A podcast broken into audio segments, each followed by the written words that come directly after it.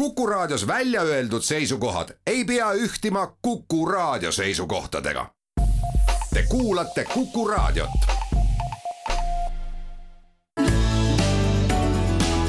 keskpäevatund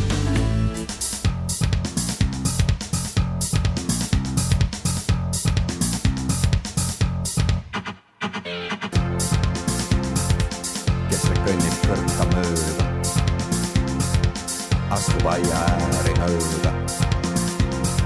kinnitab seinale loosungeid, siniseid, kollaseid, punaseid. kes mõõdab maantee kraavi,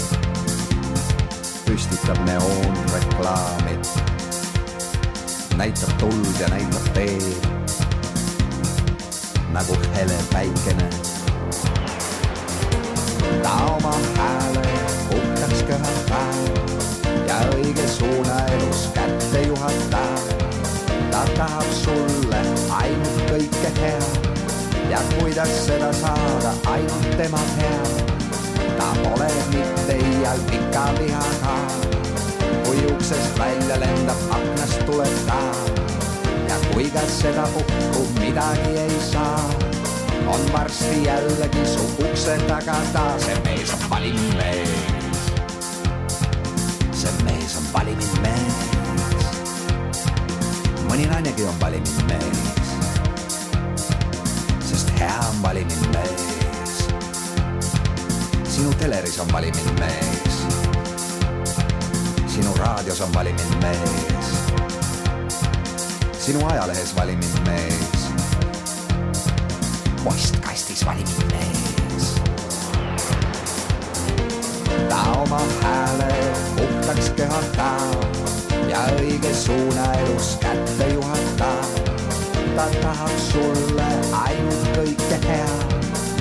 Kuidas seda saada, ainult tema teab.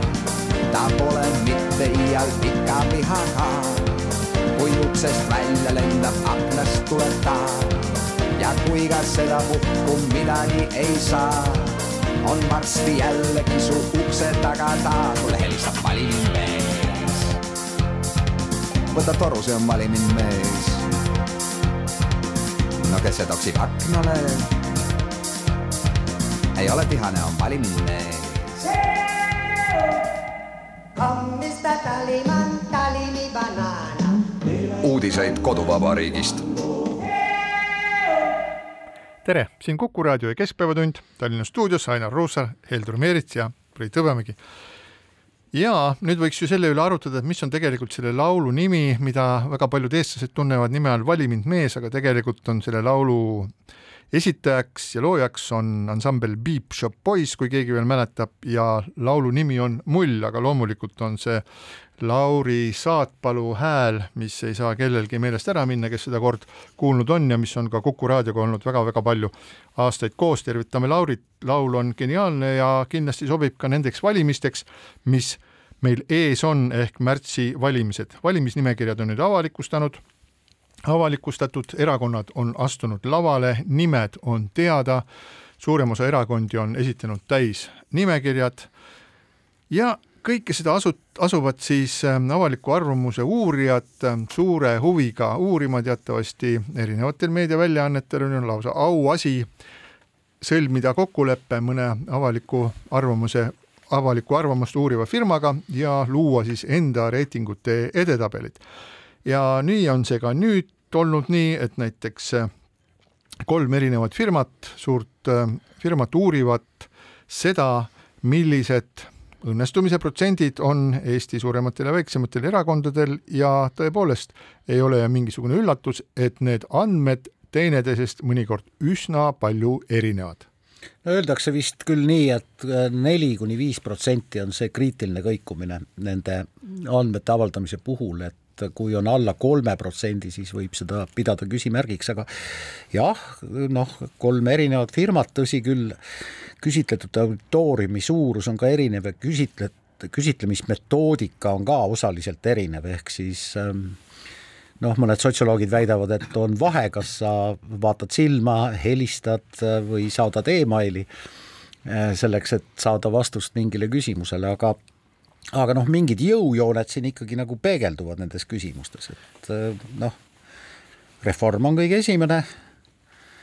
EKRE on teine ja Keskerakond on tublisti parandanud oma, oma tulemusi võrreldes kolmeteistkümne millegiga protsendiga, mis ta oli veel viis-kuus kuud tagasi. no eks me loeme neid äh uuringuid selle mõttega, et, et oleks ju nagu huvitav ette teada saada, et, et mis siis, mis siis juhtub ja, ja see, selles osas noh, mingisugusel hetkel neid numbreid kuulates nagu tundub, et, et et nojah, eks, et, et küllap see siis niimoodi lähebki, aga jah, kui me, kui me nagu vaatame, et, et Norstat pakub Reformierakonna toetuseks kolmkümmend kaks protsenti ja turu-uuringud eh, kakskümmend kuus protsenti, et, et siis see vahe tundub ikkagi päris suur ja, ja noh, eriti öö, põnevaks muutub see olukord siis, kui turu-uuringud hindavad ja et, et EKRE jääb ainult ühe, ühe protsendi see, see ühe protsendipunkti võrra Reformierakonnast maha ja, ja et, et siin Norstat ja äh, Kantar Emor nagu arvavad siiski, et see vahe on, vahe on tunduvalt äh, suurem. nii et, et noh, siin nagu äh, niisugustel erakondade strateegidel niisugust nuputamisainet on jah, ja noh, muidugi ka Keskerakonna positsioon, eks, et, et kas see on nüüd nagu pikalt maas või, või siis ainult nagu natukene maas nojah, valim on muidugi ka vaata ikkagi päris palju erinev, mis sa välja tõid, et mm -hmm. turu-uuringutel on ta kuni seitsesada ja Norstatil neli tuhat ja ma kordan üle selle, et see ka see küsitluse metoodika on väga palju erinev ja noh, ütleme niimoodi, et vähemalt Marju Lauristin ja Peeter Vihalem omal ajal ütlesid, et on suur vahe, kas sa vaatad silma ja täidad pastakaga küsimustikku või helistad või saadad emaili. ei no selge, aga see on nüüd äh, üks, üks oluline teema nende sotsioloogiliste uuringutega seoses, eriti valimiseelsete uuringutega, et milleks meil neid valimiseelseid uuringuid vaja on, et me tahame aru saada, et millised millised tuuled siis ühiskonnas puhuvad, et äh, mis on oluline nendele inimestele, kes peavad äh, nii-öelda oluliseks seda, mis sorti siis parempoolsed, vasakpoolsed võib-olla äärmus, äärmuse poole kalduvad erakonnad hakkavad meie riiki juhtima ja no kahtlemata sellest on abi siis nii nendele erakondadele endile kui ka inimestele, kes, kes vaatavad, et oi, et näiteks, et peaks oma hääle andma nendele, nendele erakondadele, sellepärast tundub, et nemad jäävad kuidagi niimoodi ülekohtuselt alla. nüüd, kui neid erinevate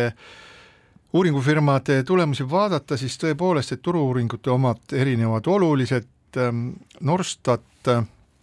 ja Kantar Emor käivad enam-vähem ühte jalga ja nendel on ka suuremad,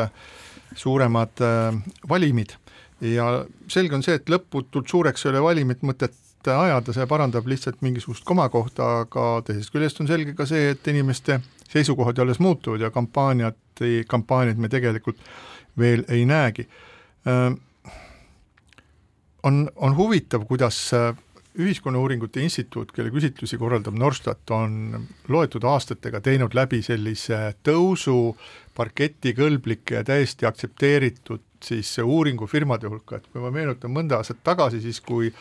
noh, kuidas öelda, vasak, vasakule kalduv press mõnitas Ühiskonnauuringute Instituuti ja püüdis siis aru saada sellest, et kas, kas on ikka instituut ja kas sellise nime kasutamine üldse on nagu oluline või on, on üldse lubatud ja mis mehed seal taga on, et see on mingisugune selline, ma ei tea, vaeva, peaaegu nagu EKRE käepikendus, siis tänaseks päevaks äh, on äh, Norstat ja, ja no, no on siis Ühiskonnauuringute Instituut, kelle küsitlusi siis Norstat teeb, on täiesti koššer, ta on parketikõlbulik ja töötab nädalast nädalasse, nemad teevad igal nädalal oma uuringuid. Püsivus viib sihile, ma mäletan jah, ma olen Priiduga täiesti nõus, ma mäletan ka viie-kuue aasta tagust aega, kui tegelikult ikkagi väga paljud kahtlesid nendes tulemustes, aga praegu on täitsa täitsa korralik valim ja et noh, see lisab... tagant, tagantjärgi vaadates me saame nagu öelda, et, et pigem, pigem nagu see kriitika ütles midagi kritiseerijate kohta, et, et, et ei ole nagu Norstatil ja Ühiskonnauuringute Instituudil häda midagi. jaa, aga ma, ma muidugi vaatasin ähm, ma ei kirjutanud küll protsente välja, aga vaatasin seda, et tegelikult need uuringud, mida tehakse enne valimisi ja valimistulemused võivad ka päris palju erineda, ehk siis tegelikult neid inimesi, kes ikkagi noh, üha rohkem arvuti taga oma valiku teeb või siis seda muudab mingil põhjusel veel, veel valimiste eel, on üsna palju, nii et tegelikult see noh, kuus koma üheksa kuni seitse protsenti ei pruugi tähendada seda, et see tulemus on ka valimistel selline, nagu näiteks no kõigepealt on nagu lihtsalt äh, aega veel, veel ka minna, eks. kõvasti, tegelikult et, kõvasti. siin võivad, et see ei pruugi nagu olla lihtsalt uuringu tegija eksimus jah, vaid, vaid nagu lihtsalt olukord muutubki. jah, aga noh, loomulikult nii nagu mõnikord võib juhtuda inimestega, kes asuvad mingisugust nähtust analüüsima, et meie siin omavahel analüüsime rõõmsalt, me ei ole mitte ühtegi sõna öelnud nende konkreetsete protsentide või osakaalude kohta, et mida siis mida siis need on välja uuritud, et ähm,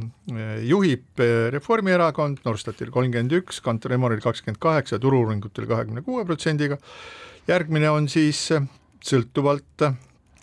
sõltuvalt uuringufirmast on kas äh, Keskerakond või ei, teine on EKRE, siis kakskümmend üks, kakskümmend üks ja kakskümmend viis protsenti, siis tuleb Keskerakond, keskmiselt kaheksateist, kaheksateist ja kuusteist, siis Eesti kakssada, sotsid seitsme ja kümne vahel, siis tuleb Isamaa, kes on stabiilselt seitse protsenti, rohelised äh,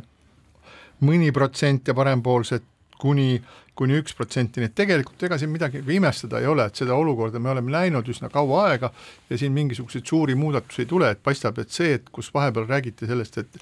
et EKRE ja, et valimisi hakkab defineerima siis EKRE ja Reformierakonna suur vastasseis, et kuidas teineteist nagu tümitatakse, tundus, et see oli pigem nagu selline selline osa, kus võitlejad ei olnud veel ringi läinud, kus nad seisid alles oma nööride taga ja siis äh, tagusid kindaid kokku, oma poksikindaid kokku ja keksisid jalalt jalale ja ütlesid, et küll ma sulle annan, küll ma sulle annan, aga kui me vaatame praegu kas ühiskondlikus diskussioonis, siis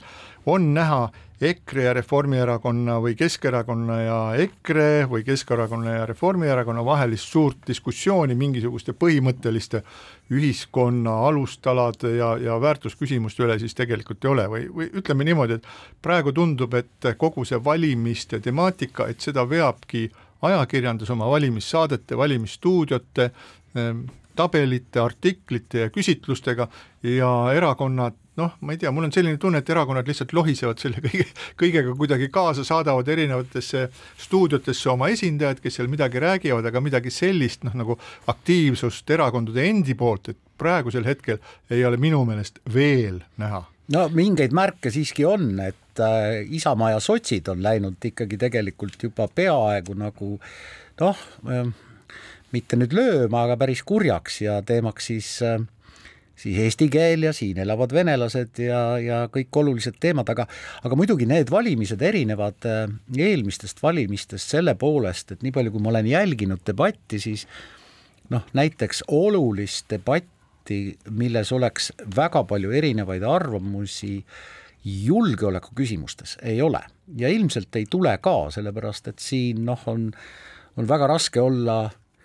mingil moel teist meelt, kui, kui nagu, võib-olla ühe EKRE poliitiku nagu lausa, rumal väljend välja jätta siin lausa, lausa ju igav, eks, ja et, et kõik on nagu nõus, et, et kolm protsenti SKP-st võiks kaitsekulusid olla, et, et see, et, et väga vähestes valdkondades on selli-, sellist üksmeelt eh, näha noh, õpetajate palgas on ka tegelikult peaaegu nagu kokkulepe saavutatud mm. ju. ja tähelepanuväärne on ka siis eh, see, et noh, nagu sa märkisid, et võib-olla kõige suurem sõnasõda hetkel toimub siis sotside ja Isamaa vahel, kes siis kõikide küsimuste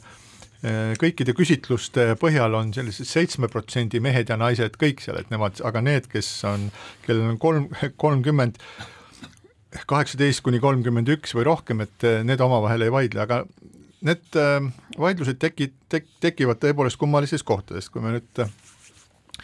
tõepoolest äh, aktsepteerime seda, et julgeoleku küsimuses siin dissidentlust keegi välja ei näita ja noh, oleks ka, kuidas öelda, oleks ka üsna riskantne kuidagi dissidentseks muutuda sel alal, siiski on üks tüli, ühe tüli tekitanud siis sotside juhi Lauri Läänemetsa intervjuu venekeelsele Delfile, kus ta siis äh, muuhulgas jõudis öelda umbes niimoodi, et just sotsid olid need, kes äh, kaitsesid Narva tanki kurjade isamaalaste ja ekrelaste eest, kes oleksid ähm, seda tulnud ründama ja siis võib-olla pannud ka, lask-, saatnud ka sinna kellegi, kes oleks selle õhku lasknud, et umbes selline mõte, see ei ole nagu sõnasõnaline tsiteering, aga põhimõtteliselt tekitas see sellise noh, ütleme, kognitiivse dissonantsi, sellepärast et noh, mina, kes ma jä- jälgisin nagu väga hoolikalt seda tanki ära, äraviimist äh, Postimehe otsesaatest, siis äh, ma lugesin ka kõiki neid artikleid, mida või, või sõnavõtte, mida Läänemets tollal tegi ja tema oli tulihingeliselt selle poolt, et tank tuleb, ära viia, et need äh, punamonumendid tuleb sealt ära viia. Ja ta oli äsja saanud siis nagu ametisse ja ma mõtlesin tõepoolest, et vau wow,, et äh, selline kindlameelne sots, et kui hästi ta ennast, kui hästi ta ennast kehtestab kohe oma nii-öelda äh, ministriks saamise aja alguses. Ja nüüd tuleb välja, et siis, et teg-, nüüd ta räägib venekeelsele Delfile seda, et tegelikult nad hoopis kaitsesid seda tanki kellegi eest, tõstes ta sealt aluselt ära viia, viia ja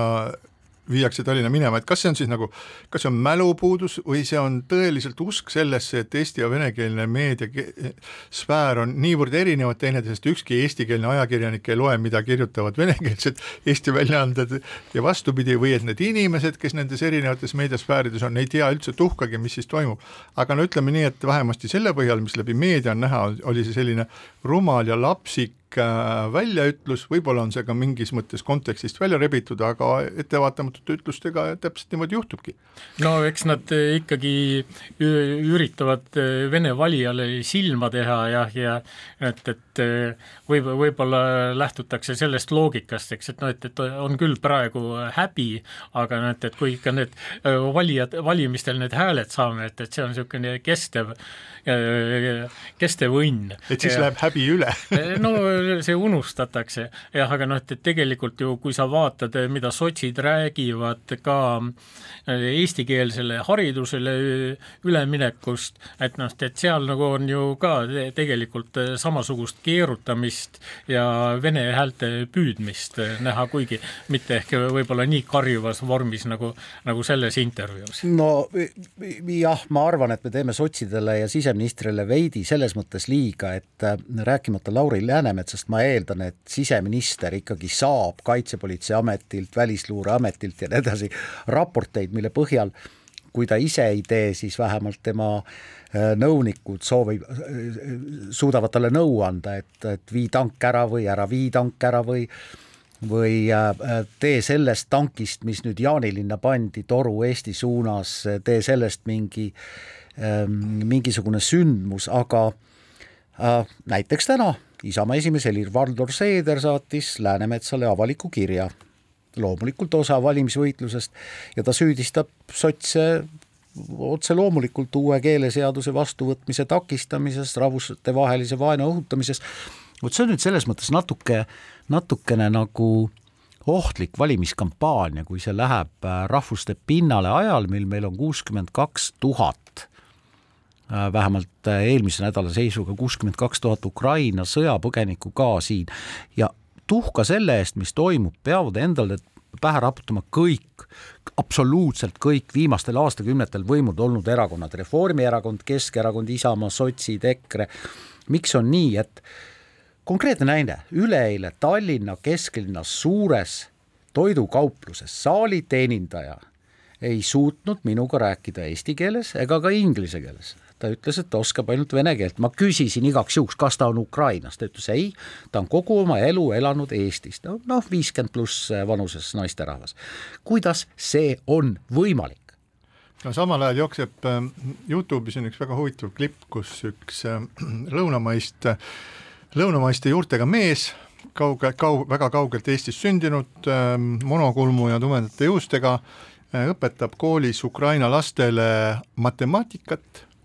murdudega jagamist ja teeb seda puhtas eesti keeles ja õpetaja räägib eesti keeles ja ka kuuenda klassi õpilased räägivad eesti keeles. nii et palun väga, et siin on, siin on niisugune näide, see kõik on tahtmises kinni, kõik nii. on tahtmises kinni ja, ja, ja see tõi mulle ja mina, mul on nagu oma kogemusest oli selline juhtum, kui siin küll juba palju aastaid tagasi tu saabus Tallinnasse üks hiinlanna läbi Pekingi ja läbi Moskva, tuli Eestisse ja kolm kuud pärast seda, kui ta oli Eestisse jõudnud ja tal olid nagu tõsised plaanid Eestisse jääda ja lõpuks ta oligi umbes kümme aastat Eestis, kolm kuud pärast seda, kui ta oli Eestisse saabunud, hiinlanna suutis kõnekeele tasemel rääkida eesti, eesti keelt ja ka sellest aru saada, see on ainult tahtmises kinni ja tegelikult me noh, me peame või me oleme endale seda kümme korda ja tuhat ja miljon korda juba öelnud, et meil on siin sadu tuhandeid inimesi, kellel on täiesti poogen, nad saavad ilma selle eesti keeleta hakkama, neid ei ole kuidagi võimalik panna äh, eesti keelt õppima, nad seda ei taha teha ja nüüd jääb, jääbki küsimus, et mis me siis nagu teeme nendega, et kas me hakkame neid kiusama igal võimalikul hetkel mis on ka üks nagu variant kahtlemata, või me jätame nad üldse ilma igasugusest tähelepanust ja ootame seda, millal aeg ise selle küsimuse lahendab ja noh, see, kuidas aeg lahendab küsimusi, seda teavad kõik. vot tähelepanust on nad ilma jäetud viimased kolmkümmend aastat, millele ma ka juba viitasin ja, ja noh, see on ikkagi paljuski eh, Eesti, Eesti riigi tehtav asi ja, ja mind kohutavalt ärritab, kui ma siiamaani, siiamaani kuulen ikkagi mõne kandideeriva poliitiku suust seda, et oot-oot-oot, äh, tark ei torma äh,, põlvkonnad vahetuvad, pagan võtaks, poolteist põlvkonda on juba vahetunud jah, ja no ja, kui sa vaatad neid praeguseid noori venelasi, ega need ei ole ju paremad. sõltub no. aga, aga äh, ma ei taha küll Eestis kohata äh, õpetajat, keda ma olen kohanud rohkem kui ühte, kes on kõrgharidusega Eestis elanud, aga ei suuda eesti keeles rääkida. hästi, ta õpetab vene lapsi vene koolis veel, aga noh, kõrgharidusega õpetaja, kes on töötanud Eesti koolis, võiks ikkagi su-, suuta eesti keeles suhelda. Ja ma tõesti, lugupeetud poliitikud, kes te seda saadet kuulate, ma ei taha kuulda, et põlvkondade vahetus lahendab selle probleemi, selle probleemi peame me lahendama koos ja ilma, et me läheksime tülli nende inimestega, kelle kodune keel on vene keel või ukraina keel ja kes hindavad vene kultuuri, nagu me kõik siin laua ümber hindame. ärme, ära hakka vene, ära mine selle vene kultuuri peale, see vene kultuur on üks õudne sopaauk ja see, see, see on täis vihkamist ja nagu vaenu ja see on, see on nii impeeriumimeelne. alati nii Puškin, nii Dostojevski, et, et aga ma, ma heliloomingust võib rahulikult rääkida. ärme hakka, ära tõmba mind ja, käima ja, selle et... vene kultuuriga. Kapuš, kuule, Kapuškin on süüdi, Kapuškin on süüdi selles kõiges, mis praegu toimub Ler. Lermontov kui Tšetšeeni sõja veteran, siis me nagu kindlasti tahaksime Borutsik Živskist rääkida. absoluutselt. Puškin, kes kirjutas tsaari,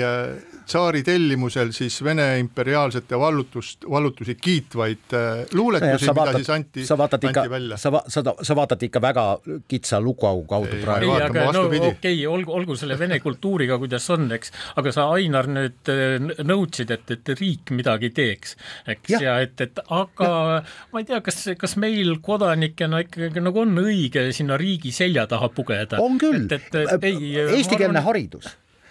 okay.. millal on kõik lasteaiad okay. eestikeelsed? sealt saab see alguse. no aga sa oleksid võinud õpetada kolm sõna eesti keelt sellele inimesele, kellega sa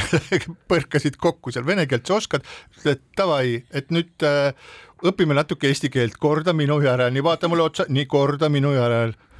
ja siis õpetad talle ühe lause ära, järgmine kord teise lause. kuhu sa tüürid, Jeesus Kristus. see, et see riik ei ole, riik ei ole mingisugune asi, riik on nagu. ei no mingi. see on, see on, see on äh, asjade organiseerimise vorm, alati on olemas kas valitsus või ministeerium, riik ei ole see, mis teeb asju, asju teevad ikkagi inimesed. asju teevad poliitikud jah, ja, ja lõpuks tuleb vastu võtta otsus, et jah, läheme üle eestikeelsele haridusele ja see kuupäev on see ja see ja see. kas sellist otsust ei ole mitte juba tehtud? ja aga selle, selle, selle teema lõpetuseks näiteks ma ütlen seda, aga selle kõige juures, et otsus on tehtud ja niimoodi on öeldud, on siis äh, Eesti Vabariigi pealinn, pealinnas Tallinnas on linnapea, kes ütleb avalikult välja, olen kavandatud viisil eestikeelsele koolile ülemineku vastu ja kellel on siis selline nagu äh, selline peaaegu geniaalne trikk, ta ütleb, et me ei saa üle minna eestikeelsele koolile sellepärast, et äh, meil on liiga vähe õpetajaid. aga kust neid õpetajaid võtta, siis vastab Kõlvart sellele küsimusele nii, tuleb teha kõrgharidusreformi, õpetajaid hakata koolitama tere talv ja siinkohal väike paus. keskpäevatund. keskpäevatund jätkab endiselt Ainar Ruussaar, Heldur Meerits ja Priit Hõbemägi. endiselt Ainar Ruussaar ei visatud välja jah, et siin me siis jätkuvalt istume, midagi pole juhtunud ja jätkame siis äh, energiaga või räägime Eesti Energiast, räägime see nädal on olnud Eesti Energia ja üldse elektri teema on olnud igal pool ja seda on olnud nii palju ja erinevates ähm, aspektides, alates sellest, et KPMG on siis teinud, auditifirma KPMG, KPMG on teinud põhjaliku uuringu, mis äh, siis uuris seda, et kuidas tuleks Elektrilevi Eesti Energiast lahutada, mida sellega edasi teha, kas seda tuleks Eleringiga kokku panna ja mis kasu meie või nemad või ükskõik kes sellest saavad, siis on meil äh, minister Järvan on rääkinud, äh, toonud siis uue sellise äh, termini, hübriidteenus oli see vist uni,, universaal, universaalteenus kaks null, ühesõnaga see on nagu kunagi oli Windows, Windows niisama ja siis tuli Windows kaks null, nüüd on universaalteenus kaks null, siis on suured probleemid Eesti Energia ja päikeseelektri väiketootjate vahel, kes on saanud külma duši osaliseks ja Eesti Energia on jälle järjekordselt nähes, et nad on teinud mingisuguse massiivse fopaa, on tõmmanud kohe kiiresti tagasi, öelnud ei, ei, see ei ole siiski nii. ühesõnaga tundub selles Eesti Energias, mis elab praegu juhi vahetuse ootel, on mingisugune uskumatu tohuvapohu, suur riigifirma rapsib, teeb äh, kummalisi asju ja, ja üldiselt ajab inimesed närvi. Võib-olla jah, see kõige lihtsam oleks praegu sinna alustada nende päikeseenergia väiketootjatest, et, et on noh, noh, kui küsimus on nüüd selles, eks, et, et kui, kui suurt marginaali siis äh, maksavad väiketootjad äh, Eesti Energiale, kui Äh, nad ise seda elektrit ei vaja jah, ja seda noh, ta, just nagu ehk tahetakse kusagil mujal. et seni oli see null koma kaks senti, Eesti Energia üsna ultimatiivsel viisil teatas, et et see tõuseb null koma üheksakümne üheksa peale ehk noh, sisuliselt iga kilovatt-tunni eest, mida müüa, mida võrku müüakse. ja, ja noh, kuigi nagu sinna kõrvale võib äh, vaadata, et, et teised äh,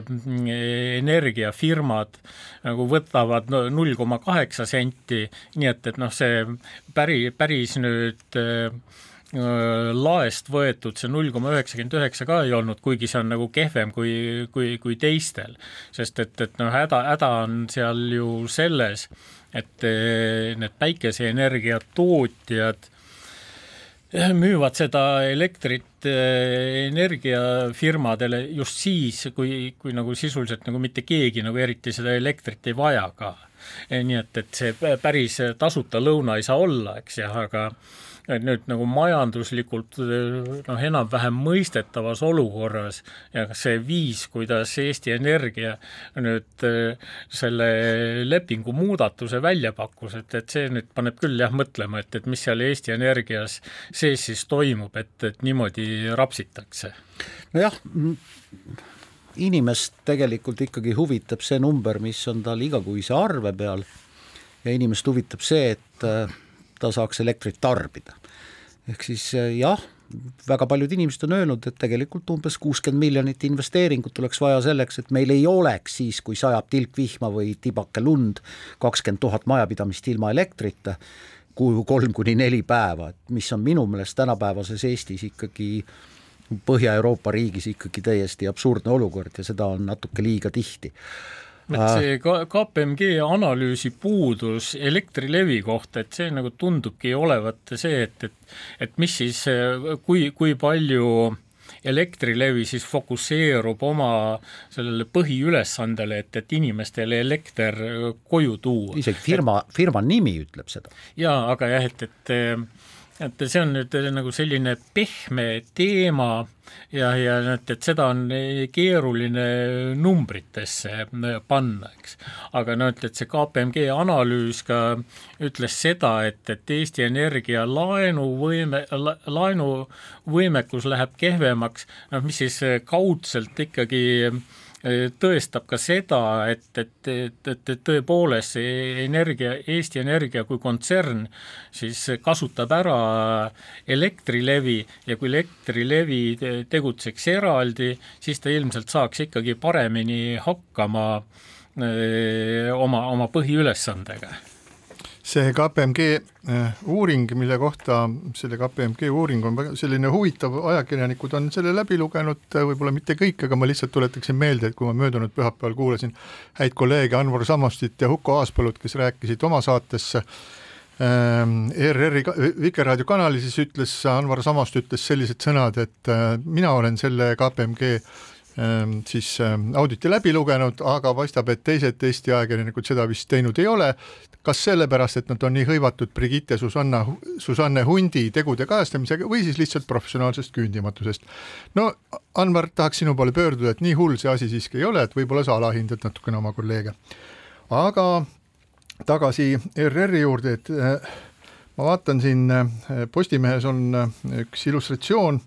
Eesti Energia koduleheküljest, mille üleval servas, seal, kus on siis üleval servas on selline Äh, kiri, et Eesti Energia, sinu usaldusvää-, noh ilmselt usaldusväärne partner. Ja nüüd, kui ma vaatan praegu seda Eesti Energia lehekülge, siis ma vaatan, et see usaldusväärne partner on sealt kuskile ära kadunud, et seda ei ole, et äh, mi-, millele ma tahan tähelepanu juhtida, on see, et äh, see Eesti Elektrilevi eraldamine Eesti Energiast, et see teema kerkis avalikkuse ette siis, kui olid suured elektrikatkestused Saaremaal, Hiiumaal ja mujal, kui hakati uurima, et mispärast siis nii kaua nii paljud inimesed on saanud, on pidanud olema ilma elektrienergiata ja siis jõuti, kaevati välja. Selline lihtne tõsiasi, et äh, Elektrilevi on tootnud küll kasumit Eesti Energiale, aga selle kasumi eest oleks saanud ehitada palju paremini, oleks saanud äh, kaua aega ehitada maaliine, oleks saanud ähm, teha laiemaks koridori, hooldada neid puid, siis äh, elektri elektrivõrkude ääres, mis siis kukuvad külmaga traatidele ja katkestavad elektri.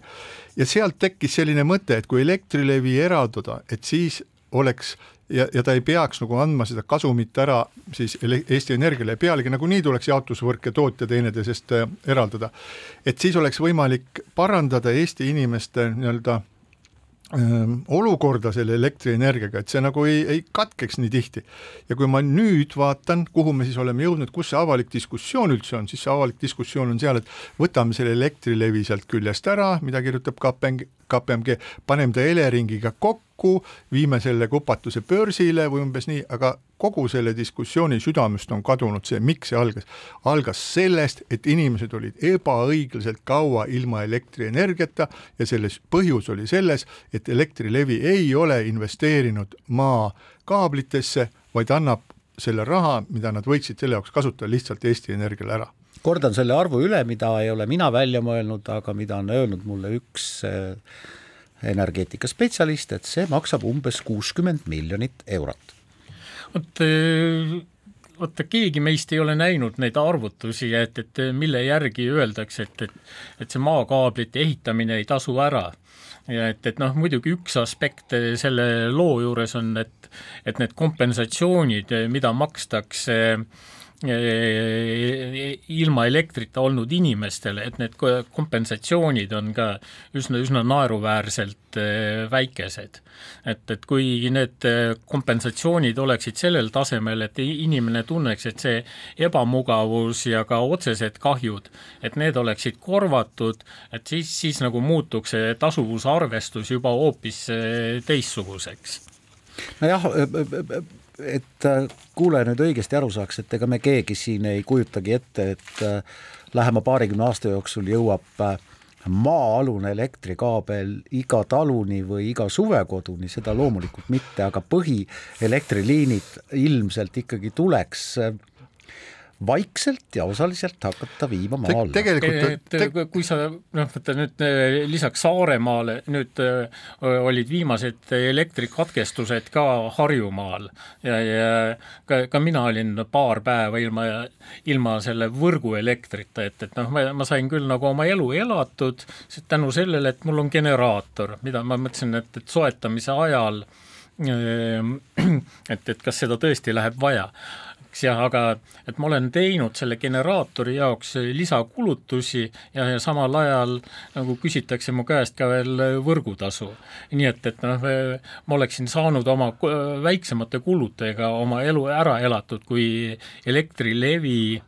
öö, oleks teinud, saanud oma ülesannetega hakkama nii, nagu ta peaks saama. kuulan ja ja mõtlen omaette, et mis kummaline, mis milline kummaline on see Eesti maailm ikka, kus kohas me elame ja, ja kui pikalt meil on eks seda aega võtta, et nüüd, kui lähtume sellest eelmisest teemast, mis me rääkisime, et kolmekümne aastaga ei ole siis, ei ole suudetud sisse viia siis eestikeelset kooli, praegu arutatakse, et millal sellega ükskord võiks saada ja siis ütleb, siis ütleb suuruselt teise või kolmanda erakonna ja ta, siis ütleb Tallinna linnapea ütleb niimoodi, et enne seda, enne, enne seda tuleks kõrgharidusreform läbi viia, no ühesõnaga kakskümmend aastat veel, eks ole, vähemasti kuni need õpetajad, tuhanded õpetajad tulevad ja siis olekski meil niimoodi, et me suudame viiekümne aastaga üle minna siis täiesti eestikeelsele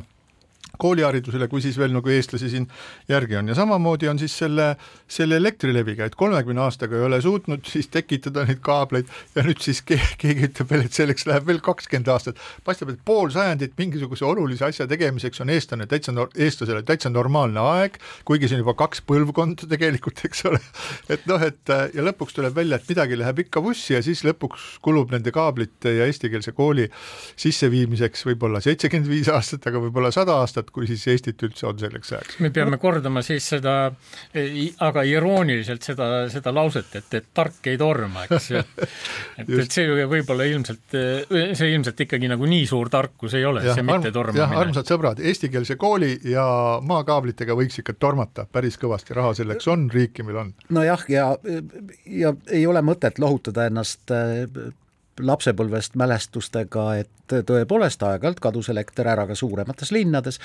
et aasta on kaks tuhat kakskümmend kolm, et tegelikult kõiksugu elutähtsad teenused võiksid ikkagi nagu pidevalt ja paremini toimida. tahaks seda ja siinkohal väike paus. keskpäevatund. keskpäevatund jätkab stuudios Ainar Ruussaar, endiselt Heldon Meerits ja Priit Hõbemägi. Ma loen ette ühe just saabunud äh, kuulaja kirja. kui te märkate teenindavas sektoris, kaupluses või kusagil mujal müüjat või teenindajat, kes ei oska üldse eesti keelt, siis tuleb sellest teatada Keeleametisse ja nemad võtavad tööandjaga ühendust ja võtavad vastu ka siis vajalikud meetmed, nii et selline soovitus. no väga hea, aga läheme nüüd, äh, läheme taas poliitika radadele ja pikka aega kuude kaupa on arutatud seda, et eh, kelle poole kaldub siis eh, president Kersti Kaljulaid, kellele kuulub tema poliitiline sümpaatia, palju oli spekulatsiooni selles osas, kas ta ühineb mõne, mõne uue erakonnaga ja toob nendega, toob neile kaasa siis oma sellise aura ja tuntuse, aga midagi taolist ei ole juhtunud. küll on ta nüüd eh, annetanud siis äh, parempoolsetele tuhat eurot ja tähelepanuväärne on siis äh, no ütleme nii, et summa ei ole tähelepanuväärne, sellepärast et Rain Lõhmus annetas hiljuti viiskümmend tuhat eurot ja aga tähelepanuväärne on see Kersti Kaljulaiu kontekstis see, ta ütleb, ütles siis Kuku raadio saates Kahe vahel et meil võib olla kaks erakonda, kes on deklareerinud üsna selgelt oma maailmavaate ja püsivad selles raamistikus ka oma ettepanekuid tehe, tehes, need on parempoolsed, kes ütlevad, riigi rahaga tuleb käia ratsionaalselt ümber, ja teine selline erakond on Isamaa, kes ütleb, et nad toetavad suuri traditsioonilisi peresid, kus vanemad on omavahel abielus ja kus sunnib sünnib hästi palju lapsi, no ütleme, et need mõlemad on sellised selgemõistuslikud ja terved äh, seisukohad. nüüd äh, arusaadav on ka see, et mida suurem erakond, seda, seda enam on see rahvaerakond, seda seda, seda rohkem tuleb arvestada erinevate huvidega oma, oma pakkumised äh, laiali tõmmata, noh ja isegi siis, kui ütleme nii, et erakond ei ole suur, siis võib olla ikkagi tekkida selline fopaa nagu Lauri Läänemetsal, kes siis äh, selleks, et Vene valijate hääli saada, siis äh, räägib ühes keeles üht ja teises keeles täiesti vastupidist juttu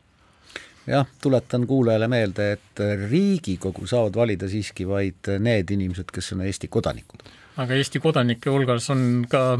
eks ütleb vene, venemeelseid ja impeeriumimeelseid inimesi. absoluutselt, absoluutselt, ma üldse ei, ma üldse ei vaidle sellele vastu ja ja mm, kindlasti on Eestis nii mõnigi selline enklaav, kui mitte mm, noh, enklaav kas või kusagil linna sees, ma arvan, et, et ka Tallinnas on selline, selliseid kohti olemas, kus tegelikult noh, väga palju sellest äh, Eesti riigist kõige paremas mõttes ei, ei teata ja Eesti kultuurist ka ei teata, aga selle meie tänane arutelu muidugi nagu läheb väga selle vene keele peale, et, et see, millest võib jääda mulje, et, et see eesti keelele üleminek, et see nüüd ongi meil see valimiste põhiküsimuseks ja aga selle kõrval on veel võimalus, et, et, et me räägime ka sellest, et, et kui säästlik peaks riik olema ja, ja kas siis nagu riik peaks kõigile inimestele kõik ette ja taha kinni maksma, eks, et, et no elektritoetusi me saame, eks, ja aga noh, siin neid äh, muid,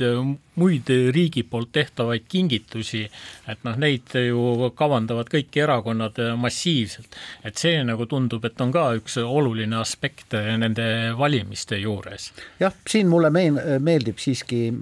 parempoolsete äh, väga selge sõnum, mis, mis just nimelt seda, mida sa, Heldur, puudutasid, äh, räägib, et äh, parempoolsed on korduvalt ja selgelt öelnud, toetada tuleb neid, kes toetust vajavad, mitte kõiki läbi joone, aga siis on ka teisi poliitikuid, kes on öelnud, et tegelikult see administratiivne kulu selleks, et täiuslikult välja selgitada, kes siis tegelikult toetust vajab ja kes vähem vajab ja kes üldse ei vaja, et see on ka päris suur. Äh, nüüd ma küsin milleks on meile kohalikud omavalitsused, kes peaksid tegelikult teadma oma omavalitsuse territooriumil elavate inimeste nii-öelda olukord? pigem, pigem äh, ma otsiks seda lahendust äh, hoopis ikkagi mujalt, et, et kohavali-, kohalike omavalitsuste puhul sa nagu eeldad, et seal on nüüd need ametnikud, aga noh, kui on kakskümmend tuhat inimest kohalikus omavalitsuses, siis, siis nagu ikkagi sellist külaefekti, kus kõik nelisada, nelisada tuhat nagu meil siin. nojah, just, et, et seda, seda ei ole, et, et pigem äh, oleks lootusrikkam tee see, et, et, et me kasutame ära need registrid, registrid, mida, mis meil on, milles on tegelikult tohutult palju andmeid, aga mis ta kuidagimoodi ei, ei osata, ei osata tööle panna. no just, äh, ja sellele on ka viidanud Riigikontroll, me rääkisime sellest nädal tagasi ka, et bürokraatiat on topelt või mit-, isegi kolmekordselt, et tegelikult seitsekümmend viis protsenti kõigi mei-, meie riigis elavate, püsivalt elavate või, või alaliselt või ajutiselt elavate andmed on kusagil registrites kättesaadavad, et selleks ei pea eraldi mehhanismi enam leiutama. jah, et jah, aga jah, et, et see praegu tundub, et minnakse lihtsamat teed, et, et jagatakse mass-, massiivselt lihtsalt raha laiali ja, ja noh, see on ka üks parempoolsete väidetest ja et, et et nemad on ainukesed parempoolsed, et, et kõik ülejäänud erakonnad kas on juba vasakpoolsed või siis kohe-kohe saavad selleks ja, ja võib-olla siit me ka nagu näeme, et, et et, et mille, mispärast siis Kersti Kaljulaid leidis ja et, et just parempoolseid oleks tal äh, vaja toetada, et, et noh, kui, kui ma mõtlen nüüd tema tegevusele presidendi äh, ameti ajal, et siis, siis võib-olla ehk oleks oodanud, et tema sümpaatia kaldub sinna kuhugi sotside või Eesti kahesaja kanti, noh kuigi ma ei tea, kas keegi teab, mis on see Eesti kahesaja maailmavaade, aga jah, et, et et, et selles valguses võib-olla ehk ongi nagu loogiline, et, et ta äh, lõpuks äh, ikkagi jõudis äh, parempoolsete toetamiseni no välja. jah, aga ütleme niimoodi, et parempoolsed on isegi selle saate kontekstis saanud meid nagu ebanormaalselt ah, palju aega. me peame arve neile esitama. Neil on üks protsent siiski kõikide küsitluste järgi on siis ähm, on äh, reitingut või populaarsust ja vaevalt, et see nüüd äh, tõuseb kümne peale, et seda kindlasti mitte, sealt on veel vaja mööda minna rohelistest, Isamaast ja sotsidest, et jõuda kuskile samasse kohta, kus aga alati võib keegi teha Jüri Toomepuud ja võtta isikumandaadi ega tea, ega tea jah, aga nendest andmetest, mis me siin andmed, kui me andmetest rääkisime, siis minu meelest on nagu see valdav häda on mm, üsna, üsna selgesti näpuga näidatav, et äh, samas kontekstis seesama äh, Äh, minister Järvani tehtud ettepanek, et siis äh, uue selle hübriid, vabandust, universaalteenus kaks null, hea küll, ma nimetan seda läbivalt hübriidteenuse, siis äh, mõte on selles, et kui kui äh, börsielekter on liiga kallis, siis ähm, lülit-, lülitud sa sinna universaalteenusele ja kui universaal ja, ja sealt tagasi, ma ei tea, keskmisele börsielektrile, börsielektri päevahinnale või mis iganes, kuidas see valem seal oli, aga nüüd ma sain aru, et siin toimub mingisugune ümberarvestus, et siin on, siin peab kuskil olema mingi lüliti või switch vahepeal, kuskil arvutis peab nagu juhtuma see hetk, kus siis äh, hakatakse arvestama ka ühte mingit tariifi ja siis nagu teist tariifi. Ja, ja selle kohta ma ütlen, ei lähe läbi, sellepärast et niisugust asja siin Eesti Vabariigis täitsa kindlasti olemas ei ole, küll aga ma võin täitsa kindlasti öelda seda kogemusest, et alati, kui tehakse mingisugune uuendus, kas siis nagu Sotsiaalkaitseametis või Sotsiaalministeeriumis või kus iganes, mis nõuab tänapäevast infotehnoloogiat ja andmete siis äh, äh, kogumist ja jagamist platvormide vaheliselt, siis tuleb seda hakata uuesti programmeerima ja siis seda tehakse kaks aastat ja siis see läheb kõik pekki ja siis hakatakse uuesti peale, siis on keegi süüdi ja lastakse keegi lahti, nagu kui mäletate, siis minister Maret Maripuu juhtumit ja nii edasi ja nii edasi, et ähm,